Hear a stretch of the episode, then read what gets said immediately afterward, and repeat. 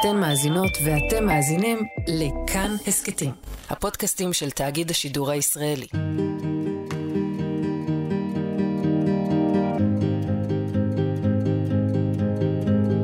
שלום, אני אורית נבון ואתם מאזינים להסכת לא טוב לי, שיתוף פעולה של כאן ועמותת סהר, סיוע והקשבה ברשת. בכל פרק נעסוק בהתמודדות עם מצוקה נפשית אחרת, והפעם אנחנו מדברים על פוסט-טראומה בעקבות שירות צבאי. נפתח בדיאלוג שנכתב בהשראת שיחה שהתקיימה בצ'אט של סהר. הפרטים המזהים טושטשו כמובן.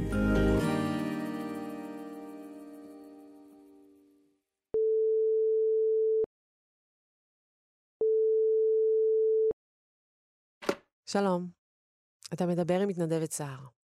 מקשיבה למה שתבחר לשתף. שלום, קוראים לי יפתח. אני לא ממש יודע איך להתחיל. אני חייל.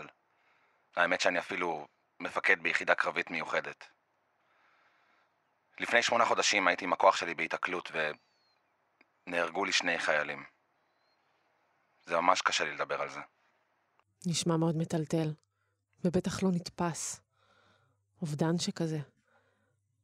תרצה לנסות לספר לי עוד? את חייבת להבין שאחרי כזה אירוע עשינו המון תחקירים והמון שיחות עם מפקדים. חזרנו לשטח לראות מה קורה, וגם כמובן הלוויה, ביקורי משפחות בשבעה. בחודשים הראשונים לא הפסקנו להתעסק בזה. בהתחלה זה היה בסדר. זה היה אפילו מפתיע שכל המפקדים שלי טענו שפעלתי נכון והכל היה בסדר. אפילו הציעו לתת לי צל"ש, אבל אני ממש לא רואה את זה ככה. איך יכול להיות אירוע שיש לי בו שני חיילים הרוגים ומישהו צריך לקבל בו צל"ש? נהרגו לי חיילים. כמה כאב יש בין המילים שלך. אני מבינה שקשה להרגיש גאה ולדבר על צל"שים כשאתה מרגיש אחריות כל כך כבדה על החיילים שלך שאיבדת. זה בדיוק המצב. אני ממש לא רוצה להרגיש כאילו שאני איזה גיבור. אני ממש לא. אולי אפילו להפך. אני שומעת שאתה כועס על עצמך, ועל מה שקרה מאז. ואם הבנתי נכון, התחקירים האלה עדיין מתקיימים. לא. הם נגמרו. כמעט וכבר לא מדברים על זה, שזה גם משגע אותי.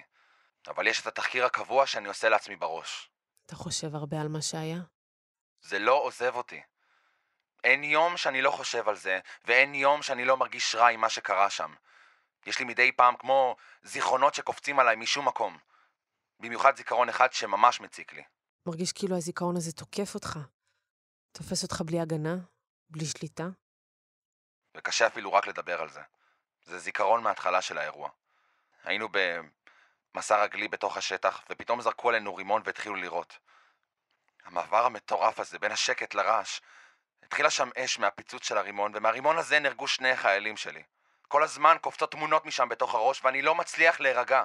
יפתח, אני ממש מתארת לעצמי כמה מייסר ומבהיל לחוות רגע כזה כל פעם מחדש.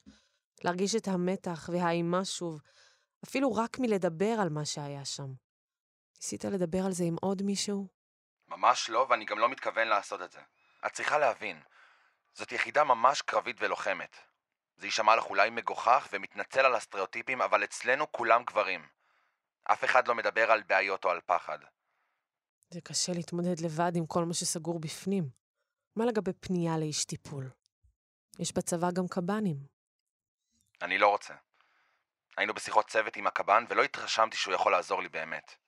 אני גם פוחד לפתוח את הדברים כי אני פה המפקד של הצוות, וממש לא מתאים שיתחילו לחשוב שמשהו לא בסדר אצלי. הכי אני פוחד שישחררו אותי. אז אתה בעצם מחזיק את הכל בפנים ולא מדבר עם אף אחד. זו יכולה להיות תחושה של בדידות עצומה. כאילו הכאב שלך שקוף. נראה לי שהרבה חבר'ה מחזיקים את זה בפנים, ואף אחד לא מדבר. תרצה לשתף על עוד שינויים שקרו מאז? לפרוק מעט. יש משהו נוסף שמרגיז אותי. מרגיש לי שבתקופה האחרונה אני כמו קפיץ דרוך. כל רעש מקפיץ אותי, אפילו אם זה משהו קטן. אתמול ביחידה, שני חיילים שיחקו וטרקו דלתות. אני כמעט הבאתי לאחד מהם מכות. המתח הזה יכול מאוד לערער, לתת תחושה של איום מתמיד. זה קורה לך רק בצבא? ככה אני חושב. אבל חברה שלי טוענת שגם בבית אני לא בסדר. אני לא ישן טוב בלילה, מדבר מתוך שינה וגם מזיע. היא אומרת שזה לא היה ככה. היא גם אומרת שאני כל הזמן מחפש לריב איתה ואני עצבני. לדעתי היא סתם מגזימה. אבל זה ממש קשה עם הזיכרונות האלה. את יודעת, עוד שלושה חודשים תהיה שנה. ואני פשוט מת מפחד ללכת לבתים של החיילים ההרוגים שלי. אני יכולה לתאר לעצמי. לפגוש את המשפחות, לראות את הכאב שלהן. זה מפחיד? מפחיד כמו המוות. תראי, אני מרגיש דפוק. אני מרגיש שהרגתי שני חיילים. שאם היינו הולכים יותר בשקט, אם הייתי מתדרך אותם יותר טוב, או אפילו הולך במקום אחר, הכל היה נראה אחרת. יפתח, אני שומעת כמה אתה מאשים את עצמך. כמה מרגיש שאם דברים היו אחרת, אז אולי הם היו עדיין כאן. והכאב הזה חודר לכל פינה ולא מאפשר לשחרר. זה נשמע ככה, אבל אני לא מרגיש שזה הגיוני בכלל. אני לא מכיר את עצמי כבן אדם חלש, או כזה שלא מסוגל להתמודד. זה די מעצבן להרגיש ככה. ממה שסיפרת לי הלילה, נשמע שאתה מתמודד לבד עם המצוקה הזו. ואולי השיחה הזו היא צעד קטן בדרך לבקש עזרה. צודקת. לא היה לי קל לעלות לפה. פתאום לשמוע את המילים שישבו לי בלב, זה קצת להודות בפני עצמי שאולי אני לא יכול להשאיר את זה בבטן יותר. זה שאתה מוכן להגיד את זה, זה כבר צעד ענק. איך אתה מרגיש עכשיו, יפתח? אני עדיין מרגיש מתוסכל ועייף, אבל קצת פרקתי, וזה עשה לי טוב. אני מבינה שהמחשבות מעייפות מאוד, אבל אני שמחה ששיתפת אותי בהן. אתה מוזמן לחזור בכל פעם שתרגיש צורך. לילה טוב.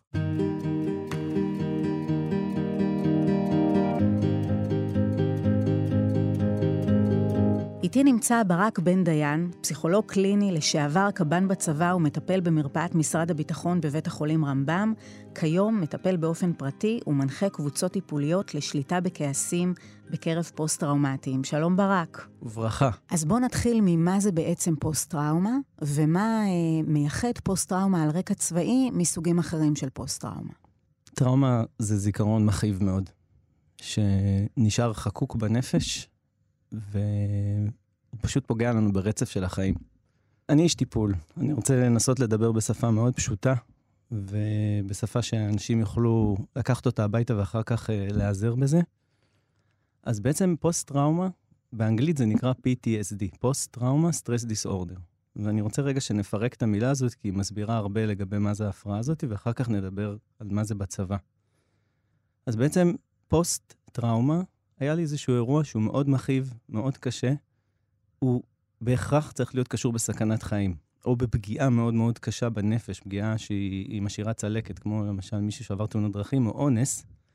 אבל בעיקר בפוסט-טראומה אנחנו נדבר על סכנת חיים ממש. הייתי באיום, במצב הישרדותי מאוד מאוד קשה. כל המערכת שלי, הרגשית, הגופנית, הקוגנטיבית, מופעלת מאוד מאוד חזק, והיא משאירה חותם. אבל הרעיון הוא שיש פה פוסט וטראומה. טראומה עברה, ובאיזשהו מקום אני כל הזמן חווה אותה מחדש, היא כל הזמן חוזרת לי. היא מפריעה לי ברצף של החיים שלי. ואם אנחנו מדברים באמת על שירות צבאי ועל טראומה אחרי שירות צבאי, אז מה בעצם קורה שם? אז שירות צבאי הוא, ככה, הוא מעביר אותנו הרבה חוויות, חלקם אה, מאוד לא נעימות. גם אני בעברי הייתי קצין בצבא, ביחידה לוחמת. אתה עובר המון חוויות שחלקם קשות וחלקם קשות מאוד, והן משאירות בנו איזה שהם אה, זיכרונות ורשמים. השאלה כמה אני מסוגל אחר כך קצת uh, לסגור אותם ולהתקדם קדימה, וכמה הן משאירות בי חותם כזה שמעלה כל מיני ניצוצות ולהבות אש מכאיבות. והטראומה עצמה היא תמיד קשורה אה, ב, כמו שאתה אומר, אה, הישרדות, סכנת חיים. אה, שמענו את יפתח מספר שנהרגו לו חיילים, זאת אומרת, אנחנו מדברים פה בעצם על מוות. כן. בשביל לאבחן מישהו עם אה, PTSD, שזה שוב פעם ההגדרה באנגלית, נשתמש במילה הזאת לא מעט, חייב שיהיה קריטריון A, חייב להיות סכנת מוות. איזושהי סכנה ממשית, מוחשית שלי, שקרתה לי, או שראיתי שמתרחשת לאחרים, או ששמעתי על קרוב משפחה שלי, למשל שמעתי שהבן שלי היה באיזשהו תאונת דרכים, חס וחלילה, או משהו כזה, זה עלול לעורר PTSD. אבל זה חייב להיות קשור בסכנת מוות, או פגיעה ממשית, כמו נכות, כמו קטיעה, או משהו כזה. זה משהו אכזרי, אנחנו מדברים על משהו שהוא מאוד מאוד אה, עוצמתי. מה בעצם המנגנון הנפשי שמוביל להשלכות הקשות האלה? מה שאני בעיקר רואה בקליניקה, זה אנשים שהחיים שלהם נעצרים. ומתחיל להיות איזשהו דו-שיח בין הטראומה שעברתי והזיכרונות שמתקיפים אותי ופוגשים אותי, לבין המציאות שאני מנסה לחיות בה. למשפחה, לילדים, מה שאני מנסה ככה בעבודה. אז יש איזשהו מפגש כל הזמן בין העבר לבין ההווה. ואני לא מצליח להשתחרר מהתדר ההישרדותי הזה שבו אני נמצא. צריך לזכור שטראומה זה אירוע שהוא כל כך קשה, שהוא פשוט מפגיש אותי עם זה שאני עומד למות. כנראה שאין לנו כלים, או לא תמיד יש לנו כלים לעבד את זה בעין, כאילו לעבד את החוויה הזאתי, וזה קצת מפרק לנו את, ה, את ההגנות ואת הנפש. על אילו תסמינים אנחנו מדברים? אז בעצם יש לנו שלוש קבוצות של תסמינים, ואנחנו מדברים על קודם כל שהיה לנו קריטריון A, שמישהו נחשף לסכנת מוות, אירוע הישרדותי, אירוע מסוכן, מאיים. ושלושת הקבוצות של הסימפטומים הם, אחד, חודרנות. כלומר, האירוע הזה כל הזמן קופץ עליי, מפתיע אותי בלי שאני רוצה. זה יכול להיות בפלשבקים, ממש אני אראה תמונה של מה שקרה. אני יכול לשמוע, נגיד, קולות, או אפילו להריח ריח של האירוע שבו הייתי. זה בלי שאני רוצה, זה קופץ עליי. זה יכול להיות ציוטים בלילות, תמונות שעולות לי בשינה, מפריעות לי לישון, וזה יכול להיות מחשבות, שיש כל הזמן אני חושב על האירוע הרבה יותר ממה שהייתי צריך. הקבוצה השנייה זה מה שנקרא עוררות, עוררות יתר. המערכת שלי דרוכה. צריך לזכור, הייתי באירוע שהוא הישרדותי. באירוע הישרדותי כל המערכת נדלקת, אני נלחם על החיים שלי, ועכשיו כל הזמן אני באותו מצב, המערכת קצת נתפסה. כל צליל שיש יקפיץ אותי, רעש של ילדים, טריקת דלת, אני ארצה לשבת מול הכניסה של המסעדה כדי לראות מי נכנס ומי יוצא. אה, גם קשה לי להירדם, קשה לי להירגע, דברים מאוד מאוד מקפיצים אותי, רמת המתח מאוד גבוהה. הקבוצה השלישית זה הימנעות, בסדר? זה כבר קשור יותר לחרדה. פשוט יש ירידה בתפקוד. אני פחות ארצה לצאת לעבודה, אני פחות ארצה לעשות כל מיני דברים עם חברים, עם בני הזוג או כאלה. אני פחות ארצה ללכת לצבא, בטח לא לאותו מקום אה, שהייתי שם, אני אולי גם לא ארצה לדבר על זה. ויש עוד משהו שקשור, שאני חושב שגם חשוב להזכיר, לפעמים תגובות חריפות קשורות לניתוק. מה זה ניתוק? זה סימפטום שחשוב לדבר עליו. זה אומר שאני יכול עכשיו להיות בארוחת ערב עם הילדים שלי, או בעבודה שלי מול המסך מחשב, ולמשך כמה דקות אני פשוט לא בסיטואציה, אני מנותק לגמרי. קוראים לזה דיסוציאציה, אני פשוט, הנפש שלי כזה הולכת למקום אחר, אני מתרחק לגמרי. זה תסמין של פוסט-טראומה? זה תסמין של פוסט-טראומה שהוא, שהוא מופיע. ולמה בעצם הוא מופיע? אני חושב שזה, שוב פעם, אני אומר את זה כמטפל, אני יכול להיות שיש פה חוקרים עכשיו ששומעים ואומרים לא, אני חושב שפשוט המערכת מכבה את עצמה קצת, כאילו באיזשהו שלב אני כבר מוצף במלא מלא גירויים. יכול להיות עכשיו פתאום קפצה לי איזה תמונה, ויש איזה צליל מהטלוויזיה שמזכיר לי כל מיני דברים כאלה, ואני מתוח כי היה לי כזה דברים בעבודה וכאלה, ופשוט המערכת טק, מנתק קצת כמו עיבוד הכרה בלי לאבד הכרה. פשוט מתנתק מהסיטואציה, אני לא שם. אובדן ריכוז בקטנה, אבל אנחנו מדברים על זה קצת אובדן ריכוז יותר משמעותי. פה גם הכלי, זה גם אחד לזהות את זה, בסדר? נגיד, נגיד בטיפול, זה, זה בסדר, זה, זה קרה. ברגע שזיהית את זה, תתעורר, אתה יכול להגיד גם לאישה, וואי, רגע, לא הייתי כאן, על מה דיברנו, זה כזה, להתחבר. הטיפול, הוא מדבר על ה... איך אני חי את החיים שלי פה ועכשיו. קרה לך, קרה לך שב, שכמטפל, בן אדם שישב בקליניקה שלך פתאום חווה ניתוק? בטח. מה אתה עושה? בגדול, אחד, אני נותן לו לפעמים להיות שם, אני לא רוצה, לה... אני חושב שכאילו, כשהנפש צריכה את זה, אז נותנים לו. כמה זמן זה יכול להימשך? יכול לקחת כמה שניות, זה יכול לקחת גם כמה דקות. דקות לא ראיתי, אבל כמה שניות טובות, כאילו, משהו כזה שפתאום אתה אומר, הוא לא פה, הוא בן אדם לא כאן. עכשיו, זה יכול להיות גם מצב טבעי, שעכשיו את שואלת אותי משהו ואני מהרהר רגע במחשבה. זה, זה מנגנון טבעי שהוא קצת מקבל איזושהי הקצנה. אותו מטופל, זה בעצם אני משקף לו, שמת לב שלא היית פה? איפה היית? מה קרה? כי זה מנתק אותו מסיטואציה וזה קשה. כאילו, אתה חושב שעכשיו את יושבת באיזה דייט ופתאום בן אדם כאילו לא מדבר איתך עכשיו שתי דקות, כאילו, לפני שנייה דיברתם על משהו ועכשיו הוא פשוט לא איתך. הוא מודע לזה הבן אדם? כשהוא מתעורר, חלק, חלק לא. הכלי יהיה להיות מודעים לזה, להיות מודע לזה שהתנתקת, לתקשר את זה. איפה היית קצת, מה, מה חשבת? בוא נתחבר מחדש, כאילו, הכל בסדר. ככה להגיד לבן אדם. אני מאמין גדול בפתיחות. אה, זה בסדר, אנחנו בני אדם, כן. זה, זה עובד, בעיניי זה עובד. ללמוד לשים לב לזה, וללמוד לדבר על זה. צריך לקבל את זה שהנפש שלנו היא קצת פגיעה. גם אם אני לוחם, רמבו, כמו יפתח, שהוא קצין, כנראה שהוא קצין, הוא מפקד שם בצבא, ביחידה אפילו מיוחדת, לפעמים עצם ההסתרה, עצם זה שקשה לדבר על אירועים לא נעימים שעברתי, רק זה אפילו מתחיל שם את, ה, את השחיקה ואת ה, הסדק העדין הזה שמתרחש בנפש. אז בואו נדבר על, אה, על גבריות בהקשר של אה, פגיעה נפשית כזאת. גם הקושי לשתף ברגשות, גם אה, זה שפתאום אתה בעצם פגיע מאוד. מה אתה יכול להגיד על זה כמטפל? שזה לא כיף להיות פגיע וחלש, אף אחד לא אוהב את זה. וזה מאוד מאוד מובן.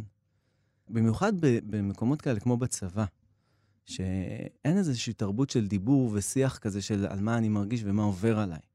הייתי עכשיו נגיד באיזו היתקלות, ואחר כך יש תחקירים, ובא המח"ט ומדבר איתי, ובא המג"ד ומדבר איתי, ובא המ"פ, ואחרי זה יושבים ומדברים על זה טה-טה-טה-טה-טה, אבל השיחה היא תהיה מאוד מאוד חיצונית על מה קרה ואיך הגבנו וכאלה, וקוראים לזה כאלה. עובדות. עובדות, בדיוק. ואחר כך אתה נשאר בעצמך עם כל מיני דברים. אז בעצם אתה אומר, עצם הלספר, לשתף, זה מביא הקלה. אני מאמין שכאיש טיפול אני אומר את זה, שברגע שחבר'ה מקבלים את זה שיש להם פוסט-טראומה, ושזה בסדר, שזה משהו רגשי, שהם לא אשמים, זה לא עכשיו אתה גדלת בסביבה לא טובה, או משהו כאילו אתה חלש יותר, אני ממש לא רואה את זה ככה. אז חשוב להגיד, אתם לא אשמים, חבר'ה. ממש לא, ממש לא. זה בדיוק כמו שהייתי בתאונת דרכים, וחס ושלום נקטעה לי יד, אומרים על PTSD שזו תגובה נורמלית לאירוע לא נורמלי. כאילו באיזשהו מקום ראית גיהנום, משהו, הכל התפוצץ, כל החיים שלך פה, אחרי זה, אתה, אתה לא רוצה לחזור לאותם חיים שהיו לך, כי, כי פשוט אתה כבר לא מאמין להם. כזה, אני מדבר איתך על איך אנשים מרגישים. וזה בסדר לדבר על זה, וזה בסדר לחוות את זה, כי החיים הם לא רק טראומה.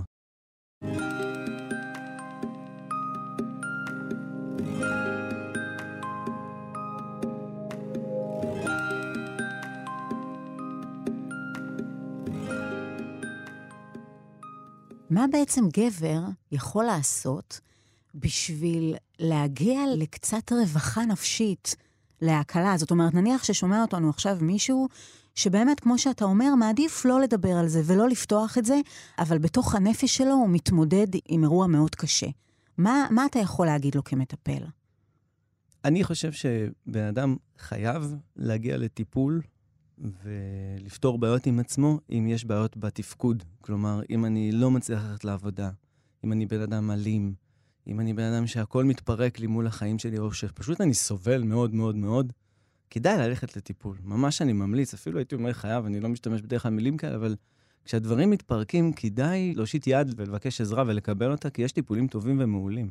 את שאלת לגבי אותו בן אדם שסוחב את זה בפנים, ונגיד הוא הולך לעבודה, ויכול להיות שהוא קצין בצבא כזה, כמו יפתח דרך אגב, וזה קורה הרבה פעמים בצבא, שהחבר'ה ממשיכים לתפקד.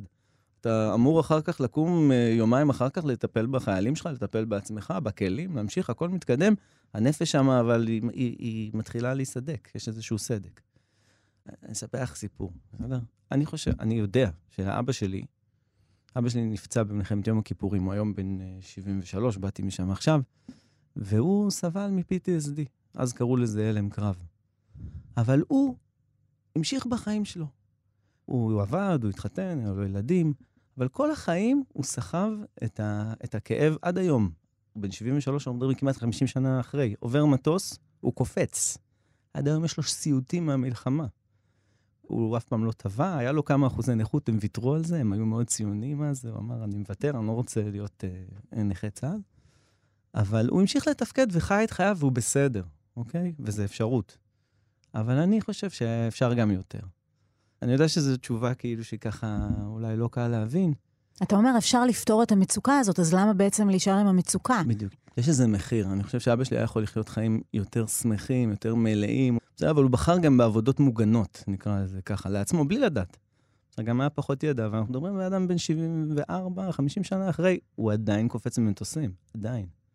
כן. ברק, אתה היית קב"ן בצבא, אתה יכול קצת לתאר מה בעצם התפקיד של הקב"ן מול פוסט-טראומטיים בצבא? האם המטרה היא רק לאבחן אותם ולהגיד להם, אתם מתמודדים עם פוסט-טראומה, או שגם מטפלים בהם במסגרת הצבאית? בטח. אז גם וגם. אז קודם כל מתחיל באבחון, בלראות אה, מי בסכנה לפתח ומי בסכנה לא לפתח. כי אמרנו, אנחנו לא יודעים באמת מי, מי חווה מה ואיך הנפש תגיב. ומי שיכול לפנות לקב"ן זה רק בן אדם שעדיין משרת? כן. או שגם שירת בעבר? יש גם אה, אפשרות אה, לקבל, רגע, נסדר את זה ככה. קודם כל, הצבא מאוד מאוד רגיש לנושא של PTSD. אני מניח שגם אצל יפתח, בדוגמה שהבאתם, הצוות נפגש שם עם קב"ן בצורה יזומה. והקב"ן אמור לעשות שיחות קבוצתיות כאלה ולנסות לזהות מי עלול לפתח תסמינים. איך אתה כקב"ן רואה מי עלול לפתח תסמינים? אני אישית מחפש את אלה שדווקא קצת פחות מדברים, את אלה שהשפת גוף שלהם מתוחה יותר, את אלה שאני, אה, סיימנו את ה debriefing הזה, וקוראים לזה debriefing בצבא, ו- ונשארתי עם סימני שאלה. כאילו, אני לא מצפה שבפגישה אחת אני אדע לאתר אותם, אבל אני רוצה פחות או יותר לסמן לעצמי את מי אני רוצה לפגוש בהמשך.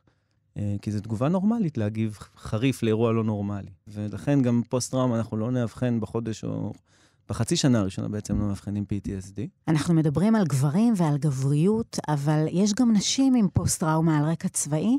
אני שואלת. Uh, כן, מעט. כנראה שיש פחות נשים באירועי לחימה. מצד שני, זה לא שאין בכלל. אז אתה אומר, אחרי האבחון יש גם איזשהו טיפול בתוך המסגרת הצבאית. בטח, בתוך המסגרת הצבאית יש את המכון לתגובות קרב. זה אנשים שמשרתים היום אה, בצבא, גם אם אתה בסדיר, גם אם אתה בקבע, יש אחלה מטפלים ואחלה נגישות לזה, אפשר בקלות להגיע. מי שמאזין לנו וכבר לא נמצא בשירות, למי הוא יכול לפנות? קודם כל, יש הרבה כאלה. נגיד, למשל, אבא שלי כזה. אה, אפשר לפנות גם לטיפול פרטי, ואפשר גם לפנות למרפאות כמו המרפאה שבה עבדתי בעבר, מרפאה ברמב"ם, שהיא מרפאה של נכי צה"ל שמאובחנים בעיקר עם PTSD, והם מקבלים טיפול שם, שהוא ממוקד בפוסט-טראומה, ושם גם קבוצות.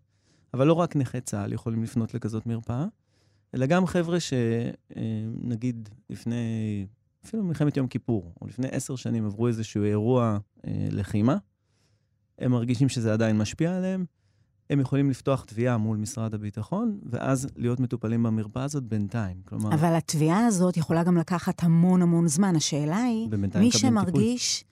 כן, אבל uh, השאלה היא מי שמרגיש מצוקה, מי הכתובת שלו בעצם, המיידית. אני חושב שהדרך הכי מהירה זה אה, באמת טיפול אה, דרך קופת חולים או פסיכולוג פרטי. יש כמובן את נט"ל, ויש את uh, סער, שניתן לעשות גם uh, פנייה דרך uh, אינטרנט, פנייה דיגיטלית, ועוד כל מיני מוקדי סיוע. בואו נדבר על הסביבה, כי בסופו של דבר, האדם הזה נמצא בסביבת אנשים, בעבודה, בחיים האישיים. מה אמור לעשות בן אדם שרואה בקרבתו פוסט-טראומטי? יש דרך להקל עליו? בטח. אני אגע גם מה אני יכול לעשות לעצמי, וכי זה יתחבר. בעצם אנחנו נרצה לעבוד על שני מוקדים. אחד, מודעות פנימית של הבחור עצמו שסובל מה-PTSD, מה, מה קורה איתי, וגם מודעות סביבתית, כלומר, איך אני מתנהג כלפי חוץ. מה הכוונה? אתן דוגמה. לא תמיד החבר'ה עם ה-PTSD מצליחים לזהות שהם מתעצבנים. כלומר, הם אומרים, יש לי פתיל קצר, הכל בסדר, ותוך שנייה אני עכשיו יכול פתאום אה, להעיף כאפה למישהו שיושב מולי. אני מדבר ככה כי זה באמת קורה לצערנו. זה בסדר שאתה כועס על הילדים שלך, זה בסדר שאתה עצוב על האירוע שעברת. יש פער גדול וקו אדום, ועל זה אנחנו עובדים, בין איך שאני מרגיש לבין איך שאני מתנהג. ופה, דרך אגב, הסביבה נכנסת מאוד מאוד חזק. כי אה, בקבוצות כעס שעשינו, אז חלק מההנחיה גם לאנשים היה, נגיד עכשיו אני בבית ויש ארוחת ערב והטמפרטורה מתחילה לעלות, הילדים קצת עושים בלאגן, נשברה צלחת, הסרגל הפנימי שלי של הכעס והעצבים מתחיל uh, לעלות, לכולנו זה קורה, בסדר? אבל בחור עם טראומה זה יכול לעלות מאוד מאוד מהר. כלומר, אירוע כזה שאתה לא באמת עכשיו רוצה שכל הבית uh, יתפוצץ, הופך לאירוע מאוד מאוד פיצוצי.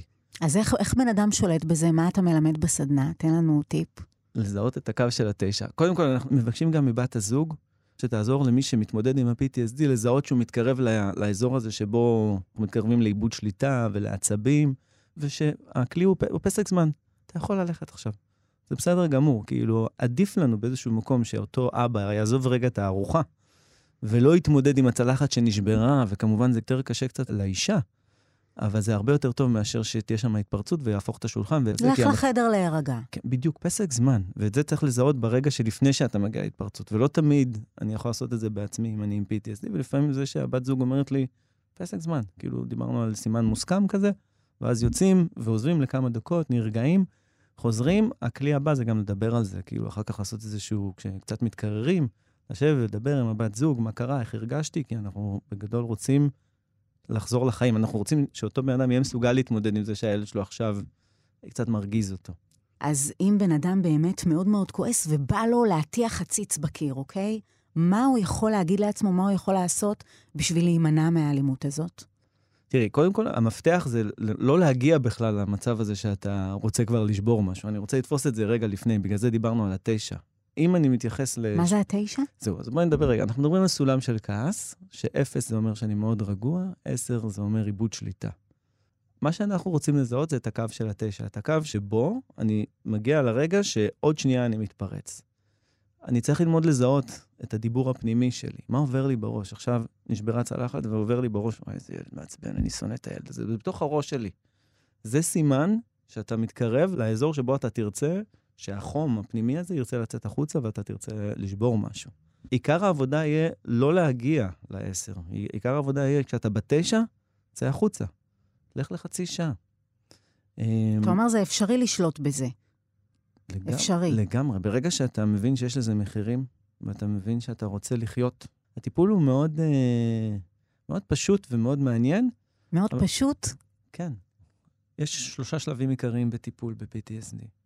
אחד זה אנחנו רוצים ליצור סביבה מוגנת. קוראים לזה safety באנגלית, אני לא יודע אם המילה בעברית מוגנות היא המילה הנכונה, אבל מה זה אומר safety? אנחנו קודם כל רוצים להקטין את האירועים המסוכנים והאלימים בחיים של הבן אדם. אני אתן לזה דוגמה, במלחמת uh, לבנון השנייה, חיילים שהיו צריכים עזרה. היו טילים על כל הארץ בעצם, על המון בסיסים, וחיילים ביקשו עזרה, נפגעי חרדה.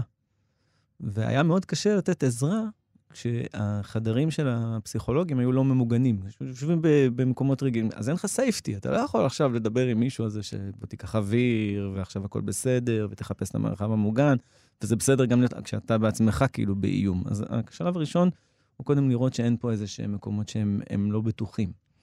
החלק השני זה מה שדיברנו, הנושא הזה של הניהול, של הפעילות גופנית, תרופות אם צריך, אוכל, טלוויזיה, חיים, מה אני עובד, מה זה. והחלק השלישי, שחשוב גם להזכיר, זה הנושא הזה של העיבוד של הטראומה. כלומר, לגעת בטראומה ממקום קצת יותר בוגר. יש טיפולים שמשלבים גוף ונפש, שהם טיפולים מדהימים, לא ניגע בזה כרגע, אבל בעיניי הם טיפולים מדהימים ויעילים ממש, ממש. מה זה אומר גוף ונפש? אני אישית מטפל בשיטה שנקראת EMDR, Eye Movement Desensitization Reprocessing. בגדול, אנחנו מדברים על זה ש... שטראומה משפיעה עלינו גם בנפש וגם על הגוף. וה-EMDR, למשל, זה שיטת טיפול שעובדת... אה, אנחנו בעצם רוצים לגרות את המוח משני אזורים, מצד ימין וצד שמאל. אנחנו יכולים לעשות את זה על ידי טיפוף על הגוף, למשל, או עם מכשירים כאלה שמעבירים גירוי מצד ימין לצד שמאל. השיטה היא גם פשוטה וגם קצת מורכבת, גם אנחנו נדבר על הטראומה, על אזורים קשים שהיו בטראומה, אבל אנחנו נרצה לעשות לה איזשהו שילוב בין החוויה המילולית, הקוגנטיבית, איך שהבן אדם יספר את הסיפור, לבין החוויה הגופנית ומה שקורה במוח. מקווה שהצלחתי להסביר. אחרי שיש לי אה, מוגנות ואחרי שהבן אדם יודע קצת לנהל את עצמו, יש אחלה שיטות לטפל בטראומה עצמה וקצת לעכל את המשקל הזה על הכתפיים. וכמובן שיש גם קבוצות טיפול לחבר'ה עם PTSD, אה, מאוד מאוד מומלץ קבוצות טיפול, כי זה מאוד מנחם ומאוד עוזר לשמוע שיש עוד אנשים שעוברים את מה שאני עובר, שיכולים לתת את הכתף, שיכולים לתת את החיוך, ולהבין שאתה בסדר, זה כאילו, זה ממש בסדר. אפשר להחלים מפוסט-טראומה? זה אפשרי מתישהו לשים את זה מאחוריך? אני אומר שהתשובה היא כן, ואני קצת אה, אתייחס לזה בצורה יותר מורכבת. קודם כל, אפשר לנהל פוסט-טראומה. בסדר? לנהל פוסט-טראומה זה אומר שאני יודע שיש בי חלקים בנפש שהם פגיעים יותר, שאני צריך לשמור עליהם. וזה אומר שאני צריך לעשות פעילות גופנית, חשוב מאוד. זה אומר שכדאי לי לשקול לקחת תרופות כדי להיות יותר רגוע וכדי לתפקד ולהיות עם המשפחה שלי, אם אני צריך, בסדר? אני, כל מקרה לגופו. זה אומר שאני צריך לאכול טוב, שאני צריך לשים לב לסטרסורים שלי. אנחנו למשל היינו ממליצים לחבר'ה בקבוצות לא לראות חדשות ב live. אתם רוצים לצרוך חדשות? תעשו את זה באינטרנט. למה? כי יש לכם שליטה. אתה לא חייב עכשיו לראות את התמונות של החיילים שנפגעו בלבנון 2. אתה יכול להחליט אם אתה נכנס לכתבה או לא. יום זיכרון יכול להיות טריגר? יום זיכרון זה טריגר פיגוזי, כאילו, ממש. אז, אז מה עושים ביום זיכרון? מה פוסט-טראומטי צריך לעשות? אז uh, קודם כל זה בסדר, זה מותר, אנחנו דיברנו על זה שמותר גם לכאוב, מותר להבין שיום זיכרון מפעיל אצלי משהו וזה בסדר גמור, כל עוד זה לא פירק אותי והביא אותי לעשר ולאיבוד שליטה או כזה. זה, זה בסדר. זה, וזה בסדר גם להגיד, היום יום זיכרון, ואני יוצא לטיול. אני יורד עכשיו לנחל, או אני יוצא מהעיר. אסקפיזם קצת. אסקפיזם לגמרי, שאני מנהל את עצמי לגמרי. אנחנו דיברנו, אני עם מטופלים, שאפילו דיברנו על לא לראות סרטי מתח. כי גם זה מעלה לך את הסטרס, ואחר כך זה יבוא לך ביטוי בזה שאתה לא תישן בלילה, או שאתה תתפרץ בעבודה. בעצם לשמור על עצמך, לגמרי, מראש. לגמרי לשמור על עצמך. וזה הכלי, וזה עובד, בסדר? ומה שאת שאלת, אם אפשר להחלים, אז אני אומר שאפילו אפשר להבריא מ-PTSD. שלהבריא, זה אומר שאתה יכול ליצור שינוי, שינוי שהוא נכון לך בחיים. אני אסביר את זה טיפה יותר uh, מדויק, מה הכוונה? הייתי באירוע שהשאיר לי צלקת, מאוד מכאיבה. צלקת כזאת שכל הזמן uh, מוציאה לי כאבים וניצוצות כאלה. והאירוע הזה שינה לי את החיים. סידר לי מחדש את מה שאני חושב על החיים, את מה שאני מבין על החיים, את הפגיעות שלי, את הפגיעות של אחרים, ויש שם הרבה כאב ולא נעים. ואז אני מתחיל קודם כל כזה קצת uh, למצוא שקט ולנהל את עצמי ולעשות פעילות גופנית ולאכול ולהחליט במה אני עובד ולנהל את הסטרס. וללכת לטיפול. וללכת לטיפול, ואולי לעלות גם באינטרנט ולכתוב ולשתף, וזה בסדר, זה בסדר. אם אתם שומעים אותי שם בחוץ, זה ממש בסדר לדבר על דברים. מה עושים עם התקפי בכי, התקפי חרדה? התקפי בכי מבחינתי, אם, אם זה עוזר ומנקה, אז, אז תבכה, כאילו, אני, אני אוהב לבכות. אמ, אני, אני סיפרתי לך, אורית, שגם לי בעצם היה PTSD, יש לי PTSD, בגלל זה גם קשה לי במצבים של קצת מתח, בגלל זה אני ככה טיפה, אה, היה לי קשה פה בהתחלה. יש לך פוסט-טראומה על רקע? גם, זה, אני חושב ששוב פעם, קצת מהשירות הצבאי. כן. ומתאונת דרכים די קשה שעברתי. אז מה, מה רצית לספר? רציתי לספר שכשאתה אה, מוצא את השקט, אחרי שלמדת לנהל את עצמך ולמדת מה נכון לך, שאתה צריך לראות יותר קומדיות ושאתה יכול לעשות פעילות גופנית וכל זה, השלב הבא זה, אם אפשר להגיע לזה, קוראים לזה צמיחה פוסט-טראומטית, post-traumatic growth. וזה אומר שאני לא רק חזרתי להיות מי שהייתי, אלא הפכתי להיות בן אדם יותר טוב ויותר אה, שברור לי סדרי העדיפויות שלי. אצלי... איך, איך אתה הגעת הנה, לזה? זהו, אז אני למשל, מה שזה עשה לי, זה הביא אותי היום ב... לטפל בילדים. אני עובד היום גם עם PTSD, אבל פחות, כי אני חייב לשמור על עצמי, כי עבודה למטפלים עם PTSD זה לא פשוט. אבל אני שואלת איך אתה בעצמך הגעת מהמקום הנמוך למה שאתה היום. מה אתה עשית? אחרי הרבה התקפי בכי. לא, אבל שוב פעם, אני באותה תקופה עבדתי ברמב"ם, והיה לי שם גם אנשים מאוד טובים וחברים, והמנהלת מרפאה. אתה אומר טיפול מקצועי, עברת. כן, טיפול מקצועי שאני בעצם ישבתי עם החבר'ה האלה והבנתי לעצמי שוואי, לי בעצמי יש PTSD. אני לפעמים הדיבור הפנימי שלי הוא מה זה קרוב ל-8-9 הזה. מה אתה אומר לעצמך כשאתה ב-8-9? זה אומר שעכשיו, אה, לא יודע, אשתי מדברת איתי על זה שאנחנו צריכים אה, כסף למשהו, ואנחנו עוד הייתי אז ככה יותר צעיר, ואני שומע את עצמי שאני מתעצבן עליה בפנים, והשיניים שלי נסגרות, ואני...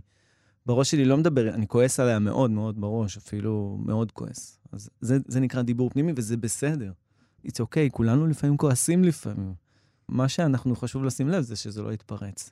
אבל אני כן שמתי לב שהייתי מאוד מתוח וקופץ מדברים, היה לי קשה מאוד לנהוג אחרי התאונה במשך תקופה, אבל הייתי כל הזמן מרגיע את עצמי ואומר, הכל בסדר, תמשיך לנהוג, תירגע. דיבור פנימי ב... מעודד מנחם, וחיובי. כן, כי הטראומה היא קופצת בלי שאני רוצה, יש לי את האפשרות באמצעות מודעות להגיד, הכל בסדר, זה רק זיכרון, לשים את זה קצת מאחורה. ולאט לאט אתה כאילו מתחיל להבין שמה חשוב לי? חשוב לי המשפחה, חשוב לי העבודה, חשוב לי ילדים בקליניקה. כזה, לראות את החיים שהם גם יש אה, שמש ואור וחיוך. אתה יודע מה, ברק? אנחנו לקראת סיום, ורציתי לשאול אותך אם יש איזה מטופל שהוא אה, נחרט בלבך, בן אדם שהצליח להגיע ממקום נמוך, אה, עלה בחזרה למסלול, ו- ואתה נשמע לי בעצמך דוגמה מצוינת. אבל אני, אני אתן שתי דוגמאות, שתי כן. דוגמאות uh, אחרות, כן? כי... שוב פעם, זה מאוד פשוט. בחור צעיר, שהיה שריונר ו... ונפצע באחד מהאירועים, ה... לצערנו הרבים שיש לפעמים במדינת ישראל, והוא פשוט אה, לא הצליח לחזור לחיים אחר כך. שוחרר מהצבא, ופשוט היה תקוע, פשוט אבוד. אה, לא עשה כלום, בלי חברים, גר בבית של ההורים, וההצלחה הטיפולית הייתה פה פשוט לעזור לו למצוא משהו שהוא אוהב, בסדר? כי אתה חייב לדייק פה מה נכון לך, אין לך עכשיו משאבים, את יודעת, להתבלבל.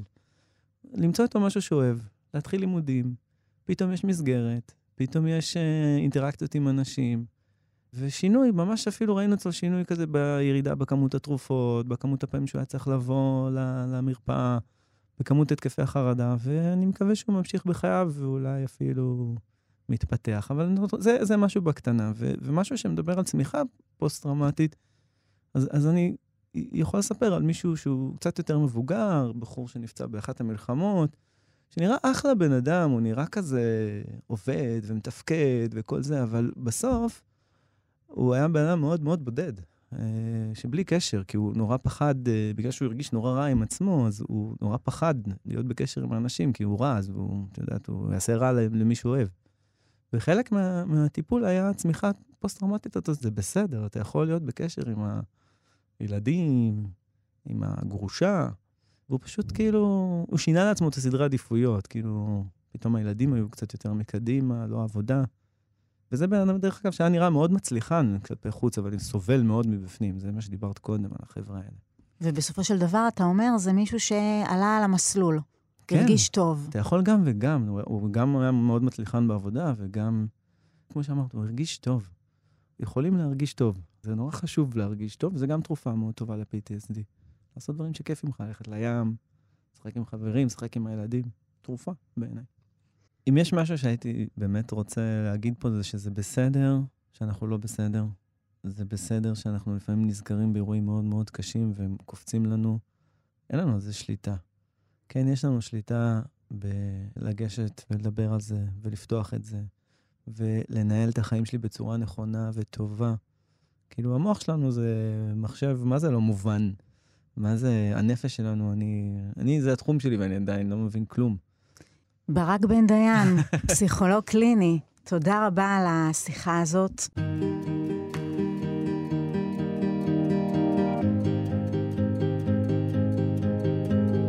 ההסכת לא טוב לי הוקלט בשיתוף עם עמותת סער ובית צבי, בית הספר הגבוה לאומנויות הבמה.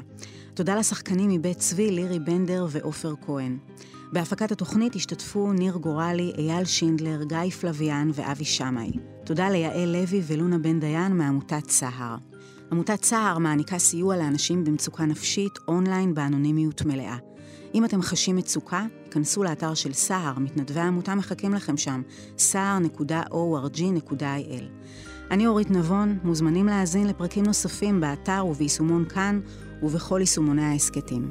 תודה שהאזנתם.